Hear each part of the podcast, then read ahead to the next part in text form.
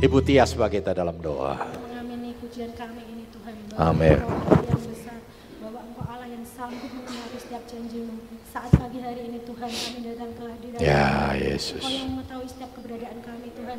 Kalau saat pagi hari ini kami datang dengan sakit penyakit maupun beban dalam hidup kami. Amin. Saat pagi hari ini kami serahkan ke bawah kakimu Tuhan. Lewat firmanmu ini Tuhan, jawaban dalam kehidupan kami saat pagi hari ini. Berdoa untuk hambamu yang akan berdoa Haleluya. Tuhan. Biarlah Tuhan menolong dia apa yang keluar dari lidah bibirnya adalah kebenaran yang dari Tuhan. Amin. Terima kasih Tuhan, terima kasih Allahku. Kami siapkan hati kami, kami siapkan setiap kehidupan kami untuk mendengarkan firman-Mu Tuhan. Dari awal pertengahan sampai akhir acara pemberitaan firman-Mu ini Tuhan, kami mau serahkan ini dalam nama Tuhan Yesus Kristus. Kami sudah berdoa dan cap syukur. Haleluya Tuhan. Amin. Amin. Puji Tuhan. Silakan duduk. Selamat pagi. Selamat kita boleh kembali bertemu dalam kasih Tuhan Yesus Kristus. Bapak Ibu Saudara diberkati pada pagi yang indah ini. Amin. Allah yang kita sembah adalah Allah yang ajaib, yang luar biasa, yang boleh menolong kita semua. Puji Tuhan, sebelum kita dengarkan firman Tuhan, kita mau berdoa bagi Bapak Saudara yang berulang tahun di bulan Juli hingga hari ini. Yang berulang tahun di bulan Juli hingga hari ini bisa bangkit berdiri, kita akan berdoa bersama-sama. Mari silahkan yang berulang tahun di bulan Juli hingga hari ini bisa bangkit berdiri. Mari silahkan. Iya. Iya, puji Tuhan ya. Mari kita sama-sama berdoa. Hati kami penuh ucapan syukur Tuhan. Jikalau pada hari ini kami boleh melihat karya Tuhan yang ajaib, Tuhan sudah menambahkan usia bagi jemaat-jemaatmu yang di bulan Juli ini Tuhan terus tolong bahkan kalau mereka boleh tiba sampai hari ini ini semata-mata karena anugerah Tuhan kasih Tuhan yang begitu besar yang Tuhan nyatakan dalam setiap kehidupan mereka. Oleh karena itu memberkati kehidupan mereka Tuhan memberkati di dalam rumah tangga keluarga mereka memberkati di dalam pekerjaan mereka memberkati dalam kuliah sekolah mereka diberkati dengan kesehatan yang datangnya dari Tuhan terlebih dari itu biarlah rancangan Tuhan yang sempurna boleh digenapi melalui kehidupan mereka. Nama Tuhan dipermuliakan dan diagungkan. Kekuatan, damai sejahtera, sukacita boleh menjadi bagian orang-orang yang percaya kepada Tuhan. Hanya di dalam nama Tuhan Yesus Kristus kami sudah berdoa. Haleluya. Amin. Selamat ulang tahun. Kanan kirinya bisa berikan ucapan selamat. Tuhan Yesus memberkati ya. Tuhan Yesus memberkati. Puji Tuhan.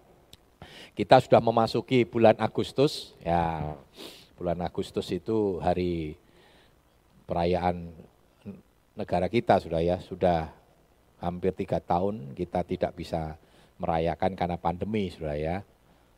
Nah nanti di puncaknya tanggal 17 Agustus ya, 78.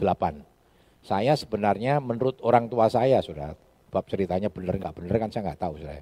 Menurut orang tua saya, saya itu lahirnya 17 Agustus saudara. Ya, menurut menurut uh, orang tua saya 17 itu sudah dibawa ke rumah sakit ya. Zaman dulu bidan sudah ya. Nah, bidan gitu sudah dibawa ke bidan untuk dilahirkan gitu ya. Saya sudah ngintip saya wedi Saudara. Kok rame men gitu Saudara ya. Waduh, zaman dulu rame balik meneh Saudara. Pulang katanya.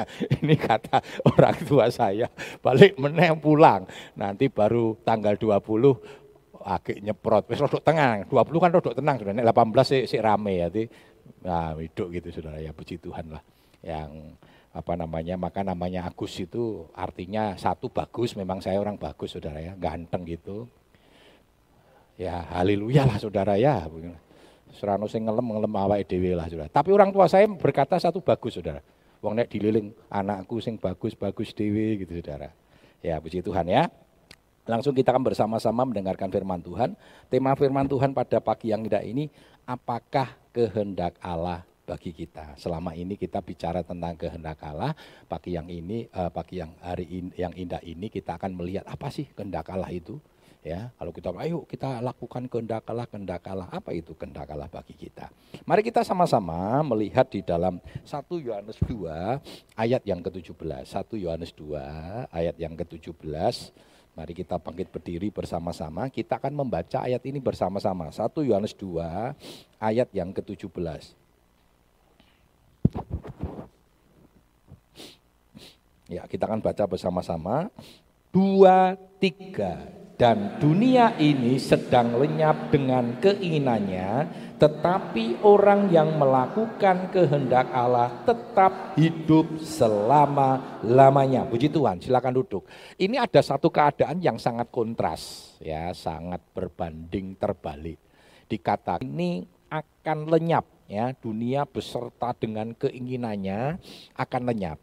Ya, dunia ini bersifat fana.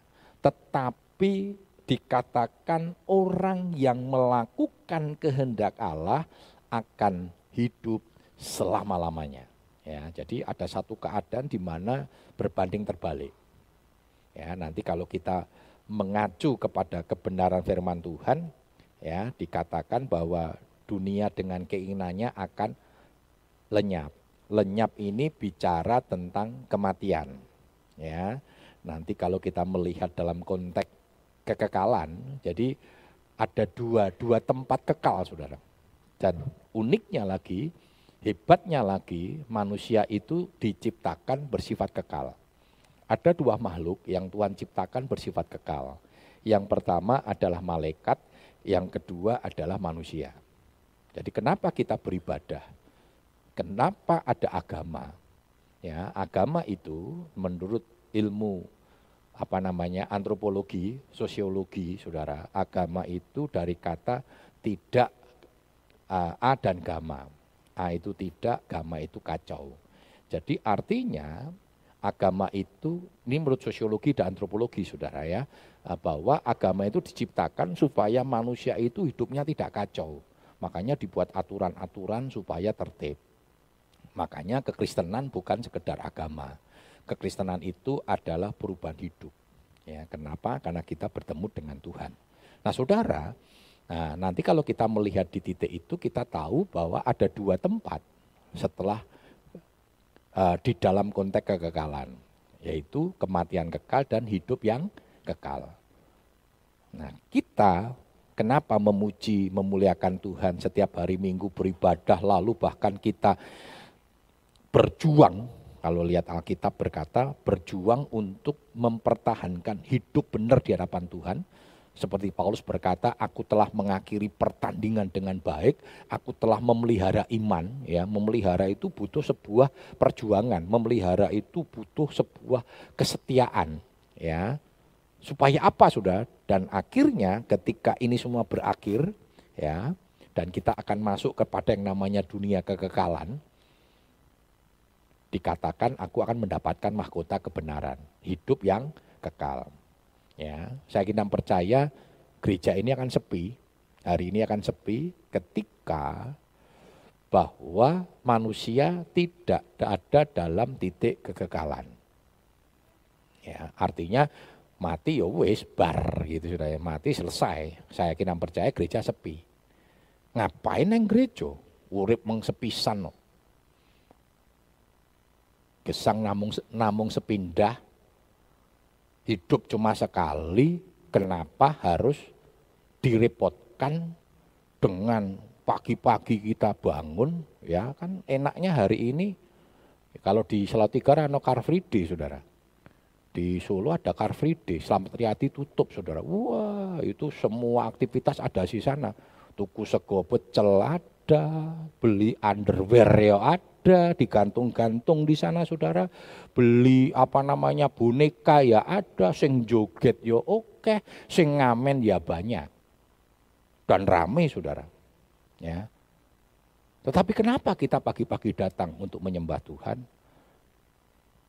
Karena kita ini bersifat kekal. Dan kekekalan nanti itu ditentukan sikap kita ketika kita masih ada hidup di dunia yang fana ini yang sementara saja. Ya, yang sementara saja. Karena itu mari kita akan melihat apa itu hidup yang kekal. Sorry, apa itu melakukan kehendak Allah? Yang pertama, orang yang melakukan kehendak Allah tadi dikatakan keinginan dunia akan lenyap. Dunia dengan keinginannya akan lenyap. Oleh karena itu, yang lenyap-lenyap itu jangan kita ikuti saudara. Yang nanti pada akhirnya akan ada di dalam kematian kekal itu jangan kita ikuti. Oleh karena itu Roma 12 ayat, 20, ayat yang kedua dikatakan hendaklah kita jangan serupa dengan dunia. Kita tidak boleh serupa dengan dunia. Kata serupa ini memiliki pengertian apa ya? Seperti kalau kita punya idola. Ya, idola itu kita ikuti ya cara pakaiannya. Dulu uh, film Ghost saudara ya, film hantu itu yang main Demi Moore saudara ya, Demi Moore nah, saudara. Itu kan potongannya rambutnya rodok dicendeke ya, seperti Lady D saudara ya, Lady Diana saudara, Putri Lady Diana itu kan potongannya seperti itu saudara ya. Nah itu banyak yang ikuti loh saudara banyak yang ikuti potongan rambutnya. Waktu itu saya baru praktek ya, waktu film Demi Moore. Ya saya ora tahu itu. Saya nggak tahu film Demi Moore itu seperti apa ya. Film Ghost itu saya nggak tahu. Cuma saya melihat begini sudah. Waktu itu saya melayani di satu tempat namanya daerah Kerendang. Kerendang itu uh, daerah Jakarta Barat yang pernah di Jakarta. Itu daerah Chinatown ya. Jadi mas penduduknya kebanyakan orang-orang Chinese dan kebanyakan Chinese-nya Chinese Kalimantan, Saudara. Tetapi ini daerah real estate, real sudah ya, yang berdempet-dempetan bukan kalau di apa namanya di daerah Pinangsia kota itu Chinatown tetapi yang memang kuat-kuat saudara ya, memang orang-orang mampu, toko-toko. Ini daerah yang kecil kumuh. Nah saya melayani di sana, ada banyak anak-anak muda. Saya melihat begini, iki potongan rambutnya podo kabeh cendek maaf bicara maaf bicara sudah ya maaf bicara. Ono sing lemu nyempluk cendek potongannya gitu saudara. Sampai saya ngomong begini sorry yo satu kadang dulu ceplos-ceplos elek sudah ya. Mulut saya itu kurang bagus juga sih dulu. Belum bertobat mungkin saudara ya. Cuma saya itu kadang nggak kuat ya. Langsung tak omongi tak panggil eh sini. Karena saya menganggap mereka ada adik rohani ya. Sini sini. Potonganmu elek. Jelek saya bilang. Kok seperti itu? Gitu loh. Mbok jangan disesuaikan lah. Terus ngomong gini, ah Kak Agus kuno katanya. Kuno piye? Ini demi mor, demi mor katanya. Opo demi mor, demit mor saya bilang. Ah, dia orang Jakarta, orang muding demit sudah saya bilang. Eh, itu demit mor saya bilang. Lalu diceritain ini ada film saudara. Film, bos bos cocok ra cocok karepmu pokoknya ini saya ingin mencontoh supaya serupa Nah, pemahaman kata serupa dengan dunia itu seperti itu, saudara. Serupa dengan dunia itu seperti itu. Padahal kita sudah tahu tadi dunia akan lenyap beserta dengan keinginannya. Karena itu kita harus hati-hati, saudara. Jangan jadikan dunia ini menjadi apa itu? Menjadi pola kita, menjadi patron kita. Coba kita baca dulu dalam Roma 12 ayat yang kedua.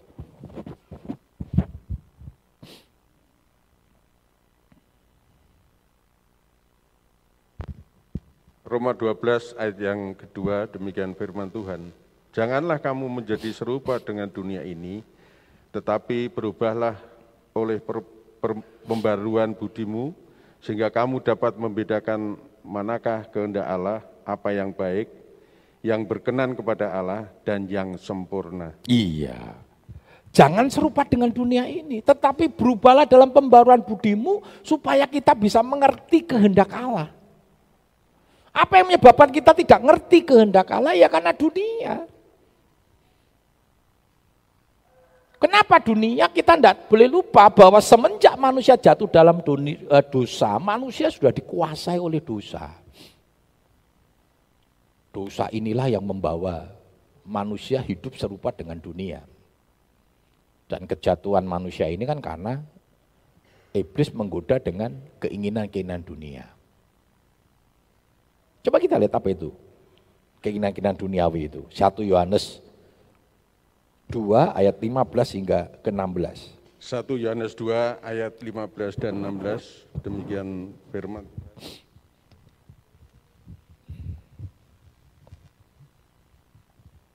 Janganlah kamu mengasihi dunia dan apa yang ada di dalamnya.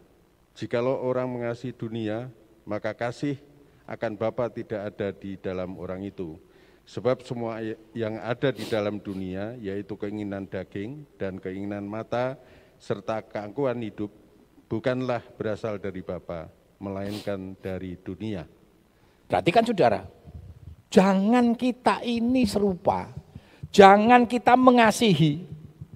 Ada tiga hal itu keinginan duniawi. Yang pertama apa? Keinginan daging, keinginan mata, dan keangkuhan hidup. Ini yang membuat manusia jatuh dalam dosa. Adam dan Hawa jatuh dalam dosa tentang hal ketiga hal ini. Dan manusia sering kali dicobai dengan tiga hal ini dan sering kali juga manusia jatuh dengan tiga hal ini. Yesus dicobai hal yang sama. Supaya apa saudara? Memberikan teladan bagi kita. Yesus juga pernah dicobai. Maka Ibrani katakan apa kitab Ibrani? Yesus itu sama seperti manusia. Bahkan dia dicobai juga. Bedanya cuma Yesus tidak jatuh dalam pencobaan. Yesus mengalahkan pencobaan, memenangkan pencobaan itu. Kuncinya apa? Berulang-ulang saya ingatkan di tempat ini. Kunci kemenangan Yesus saat pencobaan apa? Dia menjawab dengan firman. Ada tertulis firman bukan logika, bukan perasaan. Berapa banyak sering kali kita diperhadapkan dengan pilihan, lalu milih perasaan. Tidak bisa, saudara. Tidak bisa. Kebenaran is kebenaran. Tidak boleh berdasarkan perasaan. Makanya pelajaran etika, etika itu kan pelajaran tentang baik dan benar, etos, etis. Makanya muncul yang namanya etika Kristen. Kenapa? Karena etika, nanti kalau kita belajar tentang etika, muncul yang namanya etika situasi. Etika situasi itu dimunculkan oleh namanya Fletcher. Fletcher ini memunculkan etika situasi dengan konsep begini. Pokoknya segala sesuatu selama itu didasarkan kepada motif yang baik, itu pasti benar. Walaupun itu bertentangan dengan hukum dunia sekalipun, selama dasarnya motifnya baik, itu pasti benar. Ini sesat saudara. Hati-hati dengan etika situasi. Contohnya, waktu itu dikasih contoh. Di Rusia, waktu itu situasi sulit, ekonomi sulit, ada seorang ibu yang punya anak yang masih kecil dia ditinggal oleh suaminya, dia menghidupi anaknya sendiri yang masih kecil, seorang ibu muda. Lalu untuk mencukupi kebutuhan anaknya, maaf bicara dia melacurkan diri. Menjadi wanita tunasusila. Untuk hidup anaknya. Singkat cerita, ada wartawan yang mengetahui kisah ini. Lalu diwawancara, dimasukkan ke media sosial pada waktu itu menjadi head headline. Oh rame. Rame. Banyak orang main perasaannya. Bahkan akhirnya wanita ini diberi penghargaan. Seorang wanita yang berkorban untuk menghidupi anaknya. Itu dunia. Dunia mengacungi jempol untuk ibu ini. Dan belajar berkata, walaupun itu dosa oleh agama, walaupun oleh negara juga tidak boleh itu ilegal. Yang namanya prostitusi itu ilegal. Tetapi dia benar karena sudah melakukan motivasi yang baik. Ini sesat, sudah. Alkitab nggak seperti itu. Bagaimana menurut firman Tuhan seperti ini? Nggak bisa, saudara. Masih ingat seorang wanita Samaria yang hidup dalam dosa, poliandri, menjadi tidak tahu dia yang cowok-cowoknya jadi simpanan atau dia yang jadi simpanan, saudara. Ketika bertemu dengan Yesus, Yesus tidak melegalkan perbuatannya, saudara. Makanya untuk Yesus melayani wanita Samaria, dia suruh murid-muridnya pergi. Kalau enggak ngerecoki nanti. Yesus sih sama wanita Samaria, orang najis dan sebagainya kan. Masih ingat Simon di rumahnya Simon ketika Yesus dibasuh sama Maria itu. Merecoki. Padahal Yesus itu ingin mempertobatkan wanita ini, saudara. Dan akhirnya kan dalam pembicaraan itu ketemu bahwa wanita ini memiliki kehidupan moral yang begitu bejat. Aku tidak punya suami, dia kan begitu. Tuhan, Tuhan ngomong begini, iya enam orang itu yang sekarang bersama-sama engkau bukan suamimu. Berarti dia memiliki kehidupan persinahan yang luar biasa. Tuhan tidak melegalkan ora popo lah kono, tetap enggak saudara. Tapi Tuhan membawa wanita ini pada kebenaran sehingga dia bertobat. Dosanya tetap dihancurkan saudara. Tapi Tuhan tidak mencemooh wanita ini tidak merendahkan wanita ini, bahkan wanita ini akhirnya dipertobatkan oleh Tuhan. Masih ingat Maria Magdalena? Seorang wanita tunasusila juga, saudara. kita berkata dia ada roh tujuh, ya eh, tujuh roh najis. Maria Magdalena itu Maria dari Magdala, kota Magdala. Makanya pada waktu Yesus di basuh dengan minyak narwastu. Mungkin minyak narwasnunya itu kan hasil uang dari dia melacurkan diri saudara. Masuk ke rumah Simon dia basuh. Simon katakan ini, Tuhan Gusti Yesus ini piye itu? Maksud dia nggak tahu nih wanita jahat. Pelacur ini. Dia sudah terkenal saudara. Makanya kalau masih ingat saudara, ketika dia mau dirajam batu, karena ketahuan bersinah kan. Lalu Yesus dijebak, saudara. Yesus apa yang kamu lakukan? Jadi tujuannya begitu. Kalau Yesus ngomong bebaskan, wah berarti Yesus itu melegalkan yang namanya pelacuran. Dan itu dosa secara hukum Yahudi, karena yang nyuruh kan orang-orang ahli Taurat. Tapi kalau Tuhan Yesus berkata, rajam, oh orang kasih. Tapi yang Yesus lakukan juga, Yesus kok dilawan, dia Allah segala Allah. Yang tidak pernah berbuat dosa. Lempar batu pertama kali. Mungkin ono sing meh ngelempar sudah. Mungkin Maria Magdalena ngomong, Pak, hari kemis yang lalu loh sama saya loh. Sing liyane, eh kue Senin. Buktinya apa sudah?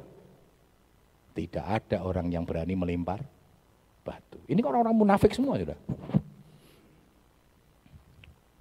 Orang-orang munafik. Tapi Yesus, tahu dia bertanya sama Yesus tuh, Tuhan, apa yang kau akan lakukan kepadaku? Kalau mereka saja melepaskan kamu, apalagi aku.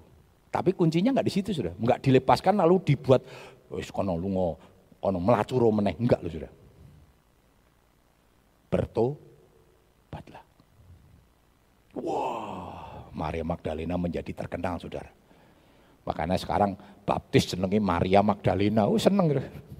Padahal latar belakangnya mengerikan, saudara. Tidak apa-apa, mantan pelacur nggak masalah, ojo mantan pendeta. Nah saudara kita lihat, mari kita hidup. Jangan serupa dengan dunia ini. Tuhan mengampuni dosa kita. Tapi ketika engkau sudah diampunkan oleh Tuhan, hiduplah dalam kebenaran. Hidup dalam kasih karunia, kita akan tinggalkan keinginan duniawi. Karena itu terus tinggal dalam kasih karunia. Engkau yang sudah bertobat dari kehidupan lamamu.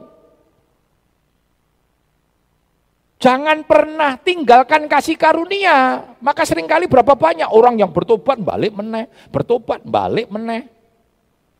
Hidup dalam dosa lagi karena kita tidak tinggal dalam kasih karunia. Tinggal dalam kasih karunia. Coba kita lihat dalam Titus 2 ayat 11 hingga 12. Titus 2 ayat 11 dan 12 demikian firman Tuhan. Karena kasih karunia Allah yang menyelamatkan semua manusia sudah nyata. Ia mendidik kita supaya kita meninggalkan kefasikan dan keinginan-keinginan duniawi dan supaya kita hidup bijaksana, adil dan beradab, beribadah di dalam dunia sekarang ini. Nah, perhatikan saudara. Kasih karunia sudah menyelamatkan kita. Kita ini diselamatkan oleh karena kasih karunia. Agus ini diselamatkan bukan karena Agus baik, Agus Rano baik, elek. Latar belakang saya, waduh mengerikan. Tetapi saya bisa menghargai kasih karunia itu, saudara. Saya tidak dilahirkan dari keluarga Kristen. Saya dari kelenak-kelenik lahirnya, saudara. Papa saya kejawen, maka saya selalu katakan, saya nggak tahu itu. Waktu saya lahir, saya dikai opo, jopa japu, enggak pernah tahu, saudara. Bahkan saya ini pelaku kelenak-kelenik kejawen, saudara. Walaupun bukan karena niatan saya, karena saya sebagai anak melaksanakan perintah orang tua. Dengan cara yang ajaib Tuhan kirim dua orang misioneri. Bukan dari Indonesia, dari Singapura dan Malaysia. Yang kebetulan pada waktu itu mampir ke rumah saya. Kelihatannya menyelamatkan papa saya tidak. Yang diselamatkan itu kami dulu anak-anaknya. Kebetulan orang Singapura sama Malaysia ini bahasa Indonesia-nya nggak lancar, dia bisanya bahasa Mandarin. Kebetulan papa saya, walaupun orang kejawen, dia jago bahasa Mandarin. Karena dia sekolahnya di sekolah Mandarin, di Siming, saudara, pada waktu itu. Sehingga dia orang kejawen, sehingga dia punya prinsip semua agama baik. Diterimalah tapi sebenarnya Tuhan belum menyelamatkan papa saya, baru menyelamatkan anaknya saya dan kakak saya perempuan. Karena pada waktu ditanya, Bapak boleh nggak anaknya ikut sekolah minggu? Saya baru mengenal sekolah minggu. Saya tinggal di satu tempat. Di mana sini memang preman tok, saudara. Bandit, penjahat. Tapi Tuhan kirim dua misioneri untuk menyelamatkan kami. Itu namanya kasih karunia. Dan saya menghargai itu. Makanya saya kalau ada penyerahan anak tuh, aduh senang sudah ya. Saya nggak pernah diserahkan. Saya nyerah no awak dewi sudah. Tapi akhirnya Tuhan selamatkan keluarga kami semuanya. Apa itu nggak kasih karunia? Dan saya harus terlalu mengingat kasih karunia itu. Jangan sia-siakan kasih karunia. Efesus berkata, engkau diselamatkan bukan karena hasil usahamu. Tapi itu pemberian Allah. Ya karena itu jangan hidup lagi di dalam dunia lagi, keinginan-keinginan dunia lagi. Jangan serupa dengan dunia, tapi serupalah dengan Yesus. Ya, serupalah dengan Yesus. Yang kedua, melakukan kehendak Allah itu artinya memiliki hikmat dan pengertian yang benar. Coba kita baca dulu dalam Kolose 1 ayat yang ke 9. Kolose 1 ayat yang ke-9 demikian firman Tuhan. Sebab itu sejak waktu kami mendengarnya, kami tiada berhenti-henti berdoa untuk kamu. Kamu kami meminta supaya kamu menerima segala hikmat dan pengertian yang benar untuk mengetahui kehendak Tuhan dengan sempurna. Iya. Kita harus memiliki pengertian dan hikmat yang benar hikmat dan pengertian yang benar itu adalah firman. Firman itu adalah penyataan Allah yang tertulis, saudara, dan saya nggak pernah ketemu dengan Yesus secara pribadi. Tetapi dengan cara Tuhan yang ajaib, Alkitab kita ini, saudara, sudah ada upaya untuk dihancurkan Tahun 70 Jenderal Titus menghancurkan bait Allah beserta dengan gulungan-gulungan kitab yang ada di bait Allah. Dipikir gereja udah berhentilah di situ. Tapi jauh sebelum itu Tuhan sudah mempersiapkan orang-orang di dekat laut mati yang disebut ada satu gua namanya gua Kumrom di situ tuh berkumpul orang-orang yang dipakai oleh Tuhan beraskesi. Askesi itu artinya meninggalkan duniawi. Orang nikah hidup khusus untuk melayani Tuhan dengan cara apa? Mensalin kitab-kitab pada waktu itu. Hidupnya saben dino itu cuma nyalin kitab-kitab saudara. Zaman dulu belum ada komputer, saudara ya. Sekarang kan enak, disalin dengan tulisan tangan. Menggunakan perkamen. Dulu kan Alkitab ditulis dengan alas tiga. Yang pertama tembikar. Jadi tanah liat yang masih basah itu, lalu ditulis, setelah itu dikeringkan. Seperti yang boto, saudara ya. Boto itu kan ada capek, saudara ya. Itu kan pada waktu basah dicap, terus kering, nah itu tembikar. Nah ini bisa cepat rusak sudah tembikar ini. Lalu yang kedua papirus. Papirus itu di alas daun papirus, ya dibasahin sama sudah dituliskan begitu. Tapi papirus juga cepat hancur. Yang ketiga perkamen. Perkamen itu dari kulit binatang, lalu menggunakan tinta. Dan luar biasa sudah, dulu itu mereka begitu menghargai. Tuhan luar biasa. Ini orang-orang beraskesi Pokoknya nek nyalin ketemu kata Tuhan, mereka harus mengganti dengan tinta yang baru dan pena yang baru. Tidak boleh pena yang lama. Dan harus adus.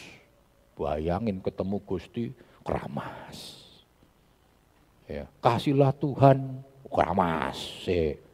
Allahmu keramas meneh. Wah saya nggak tahu jadi dindil, jadi dindil itu ya. Tapi itu cara mereka.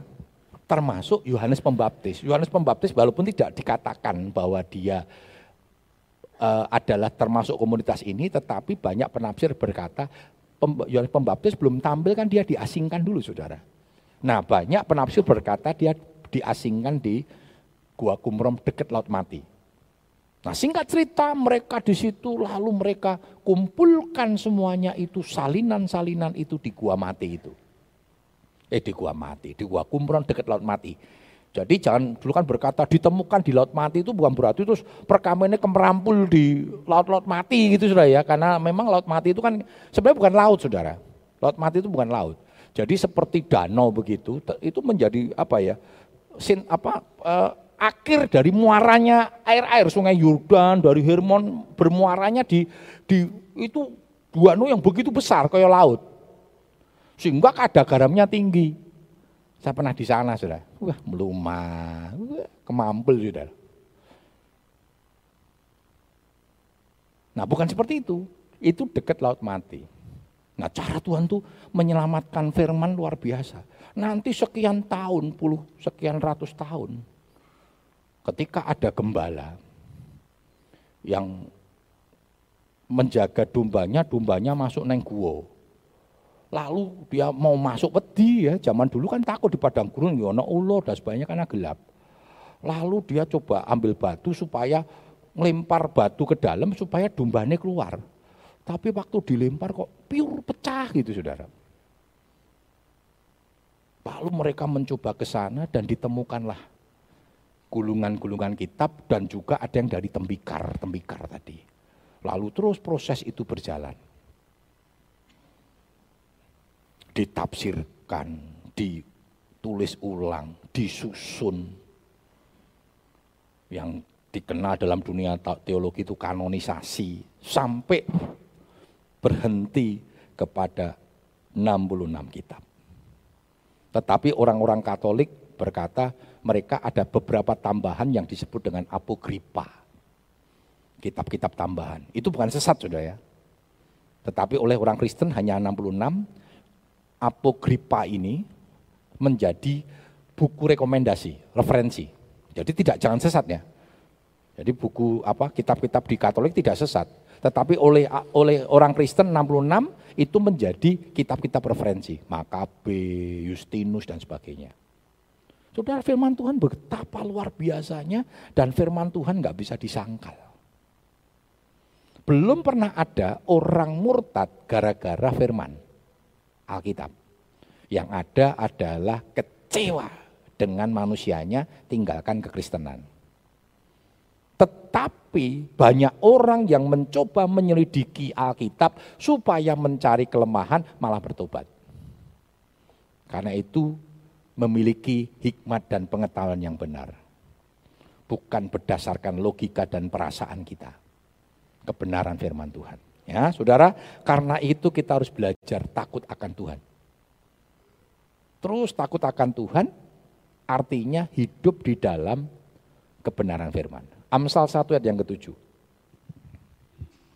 Amsal 1 ayat yang ketujuh demikian firman Tuhan. Takut akan Tuhan adalah permulaan pengetahuan, tetapi orang bodoh menghina hikmat dan didikan. Perhatikan sudah, takut akan Tuhan adalah permulaan pengetahuan. Orang bodoh menghina hikmat dan didikan. Kebenaran firman Tuhan itu hakiki. Dan masih banyak kebenaran firman Tuhan yang misteri memang. Saya kuliah Sampai orang tua saya, kakak saya ngomong gini, Gus, Gus, gue kuliah teologi terus ya. Satu di wisuda beberapa kali sudah. SMTH, D3 di wisuda, S1 di wisuda. Ya, lalu S2 saya ambil dua. Ya, dua, dua, dua, S2-nya teologi. MA dan MTH. Terus ambil doktornya. Sebenarnya saya ini sedang mengambil PhD saudara ya. Terus tak pikir-pikir, wah kakian kuliah, wis sudah saya stop sudah. Saya dikejar-kejar, saya tinggal tinggal uh, uh, disertasi sudah. Ayo Pak dibarke, karena saya sudah bayar sudah, sudah sempat bayar separuh sudah ya. Pak dibarke, ah sudahlah daripada nanti ngurusi disertasi, Gusti Yesus teko, saya udah ngopo-ngopo sudah. Saya udah, udahlah cukup lah gitu, cukup. Nah saudara, takut akan Tuhan itu saudara. Bukan sekedar kita belajar tentang kuliah. Banyak orang berpikir nak wis pinter, semakin kita dhuwur ilmunya, semakin pinter. Enggak, Saudara. Lo sudah lihat ya. Filosofi keilmuan, saya mau tanya, Saudara. Kalau dokter lah. Dokter itu kalau spesialis, itu kan lebih tinggi. Betul nggak Saudara ya? Betul ya? Kudune lebih pinter apa lebih bodoh? Dokter umum sama spesialis tinggi yang mana sudah? Spesialis ya, spesialis ya, spesialis ya. Pertanyaan saya, lebih pinter atau lebih bodoh? Dalam keilmuannya, lebih bodoh. Wong ngerti nih omong jantung gitu sudah ya kan? Padahal teko umum loh, sekolah umum, dokter umum, umumnya kan kabeh ngerti sudah. Iki berang dokter jantung, spesialis khusus mengjantung tok. Waktu saudara pergi ke rumah apa dokter jantung, saudara sakit mata. Dok, saya sakit mata. Loh, salah. Saya jantung, ahli jantung. Loh katanya spesialis. Loh sama di teologi saudara. Saya pengalaman hidupnya. Semakin kuliah, semakin pinter, eh, bukan semakin pinter, semakin dhuwur bukan semakin pinter. Semakin bodoh. Saya mau saya gambaran begini sudah. Ketika Anda di tempat ini, berdiri di sini, dunia sebesar apa? Dunia sebesar apa yang Anda tahu? Ya sebesar gereja, sudah, betul ya? Oh ya iki ya dunia itu ya ini saat gereja. Ketika sudah naik semakin tinggi, ketika Anda ada di puncak gunung, yang seneng-seneng itu mapala dan sebagainya, naik di atas gunung, sudah bisa melihat dunia lebih besar atau lebih kecil? Besar, betul? Anda semakin kecil. Semakin banyak yang tahu atau enggak tahu? Semakin banyak misteri. Itu harusnya di dalam Tuhan. Semakin engkau mengenal Tuhan, semakin engkau dalam, semakin kita akan merendahkan diri kita, kita merasa bukan siapa-siapa, dan kita melihat kehebatan Tuhan. Ojo kebalik. Kita merasa hebat. Enggak. Maka Paulus berkata apa? Tak terselami. Paulus ini saya yakin di antara rasul-rasul secara akademisnya paling pinter saudara. Tapi dia bisa berkata, tidak terselami hikmatnya. Hikmat Tuhan itu tiada taranya. Ada banyak misteri yang kita nggak pernah tahu. Tetapi Allah kita dahsyat. Nanti akan dinyatakan terus dalam hidup kita. Maka Daniel katakan apa? Di akhir zaman meterai itu akan terus dibukakan oleh Tuhan. Jangan pernah kita merasa hebat.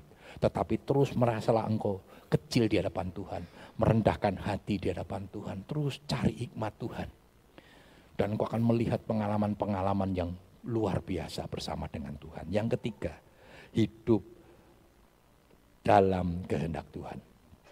Kita sudah belajar tentang kehendak Tuhan, sekarang hiduplah dalam kehendak Tuhan. Matius 7, 21, 23. Matius 7 ayat 21 sampai dengan 23, demikian firman Tuhan. Bukan setiap orang yang berseru kepadaku Tuhan, Tuhan, akan masuk ke dalam kerajaan surga, melainkan dia yang melakukan kehendak Bapakku yang di surga. Pada hari terakhir banyak orang akan berseru kepadaku, Tuhan, Tuhan, bukankah kami bernubuat demi namamu dan mengusir setan demi namamu dan mengadakan banyak mujizat demi namamu juga. Pada waktu itulah aku akan berterus terang kepada mereka, dan berkata, aku tidak pernah mengenal kamu, nyahlah daripadaku, kamu sekalian pembuat kejahatan. Berarti kan saudara, saya sudah sering kali ulas ayat ini. Bukan setiap orang yang berseru-seru. Bukan prestasi pelayanan yang penting, tetapi hati seorang pelayan. Hati seorang pelayan Lukas 17 katakan apa? 10 17 ada seorang hamba yang sudah bekerja untuk tuannya, bekerja untuk tuannya sudah. Di sawah capek, lelah, dia lapar, dia pengen pulang. Untuk beristirahat dan makan setelah itu beristirahat. Tapi tuannya berkata, aku mau makan. Layani aku. Dia melayani di tengah kelelahan dia dengan baik. Dia harus berdiri, seorang pelayan kalau melihat tuannya makan dia berdiri lihat tuannya makan sementara dia lapar, saudara. Setelah selesai dia harus bereskan itu semua. Dan hebatnya apa yang dikatakan saudara. Dan dia masih berkata, aku hamba yang tidak berguna. Berapa banyak kita marah karena merasa kita sudah berlelah-lelah untuk gereja. Kita capek, sudah bekerja banting tulang sampai tulang dibanting-banting. Bahkan ketika engkau merasa tidak ada penghargaan loro hati. Opo? Banyu putih orang metu. Banyak ledeng yoga loh saudara nek menjaluk banyu putih. Tapi banyu putih ini maksudnya susu saudara. Kan kita ini salah ya. Banyu putih kan susu. Nek air putih ini kan banyu bening saudara. Loh kita mau belajar juga. Hati seorang pelayan, jangan utamakan prestasi pelayan. Aku bernubuat, mengusir setan, orang kanggo di hadapan Tuhan. Kalau si Timotius Agus ini saudara, yang dia banggakan prestasi pelayanan. Tuhan aku tadi MD, diguyung Mbak Gusti Yesus. Nggak ada artinya itu. Seberapapun besar engkau melayani Tuhan, nggak ada artinya. Ketika engkau tidak punya hati seorang pelayan. Nggak usah cari pujian manusia. Maka selalu saya katakan ya, ketika engkau melayani engkau nggak pernah dipuji bersyukur. Karena upahmu besar di surga. Tapi kalau dipuji sombong, sudah. Berapa banyak kita seperti yang dikatakan oleh Pak Karno, jas merah. Jangan lupa sejarah. Kita dulu orang-orang yang mencintai Tuhan dalam kesederhanaan kita karena kita bukan orang yang istilahnya apa ya, orang kuat. Tapi karena kita cinta Tuhan, kita setia Tuhan, kita sungguh-sungguh sama Tuhan, Tuhan berkati. Begitu diberkati lali merasa bahwa apa yang saya raih sampai hari ini itu sama kekuatan Tuhan. Oh hati-hati sudah. Jangan utamakan prestasi pelayanan. Tetapi hati yang melayani. Hati seorang pelayan. Ayat terakhir, lawan terberat melakukan kehendak Allah adalah kehendak diri sendiri. Lukas 22 ayat 42. Lukas 22 ayat 42 demikian firman Tuhan. Ya Bapakku, jikalau engkau mau, ambillah cawan ini daripadaku. tetapi bukanlah kehendakku, melainkan kehendakmu lah yang terjadi. Perhatikan saudara, Yesus sudah berikan teladan, dia kalahkan kehendak dagingnya walaupun kehendak Tuhan ini sakit. Via dolorosa itu menyakitkan. Ini kan awal dari dia harus menjalani jalan via dolorosa yang secara manu, secara ilahi dia ngerti menyakitkan, tapi dia berkata bukan kehendakku. Dan itu clear. Seperti komitmen Tuhan ketika dia berkata dalam Yohanes 4:32 makananku ia melakukan kehendak Bapakku dan menyelesaikan pekerjaannya. Clear. Dia buktikan. Berapa banyak kalau kita punya statement komitmen di hadapan Tuhan, buktikan itu. Gak cuma ngomong tok Yesus. Tapi dia berkata, bukan kehendakku. Seperti yang berkata, makananku ialah melakukan kehendak Bapakku yang di surga. Mari, pagi yang indah ini, kita mau belajar melakukan kehendak Tuhan. Hidup tidak serupa dengan dunia. Kita mau dididik dengan hikmat yang datangnya dari Tuhan, yaitu kebenaran dan melakukan firman itu. Dan yang ketiga, kalau kita sudah tahu kehendak Tuhan, hiduplah dan lakukan kehendak Tuhan itu. Yesus sudah selesaikan itu. Bahkan dia mati di kayu salib. Karena dia lebih memilih untuk melakukan kehendak Tuhan. Akhirnya kita semua boleh diselamatkan hari ini.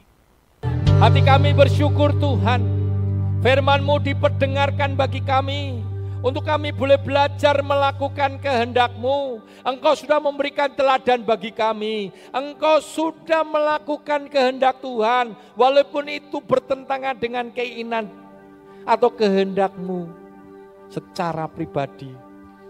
Tetapi engkau berkata makananku ialah melakukan kehendak Tuhan dan menyelesaikannya. Karena engkau sudah melakukan kehendak Bapa di surga, engkau mati di kayu salib, sehingga kematianmu menyelamatkan kami. Kami bersyukur Tuhan. Pagi yang indah ini kami akan memperingati kematianmu, kasihmu, kasih karuniamu kepada kami. Kuduskan, sucikan kami semua umat-umatmu menerima tubuh dan darahmu. Sucikan, kuduskan kami pelayan-pelayan menerima tubuh dan darahmu dan melayani Tuhan. Sehingga perjamuan kudus boleh menjadi berkat bagi kami sekalian. Kami siap menerima tubuh dan darahmu Tuhan. Hanya di dalam satu nama, yaitu di dalam nama Tuhan Yesus Kristus, kami sudah berdoa. Haleluya. Amin.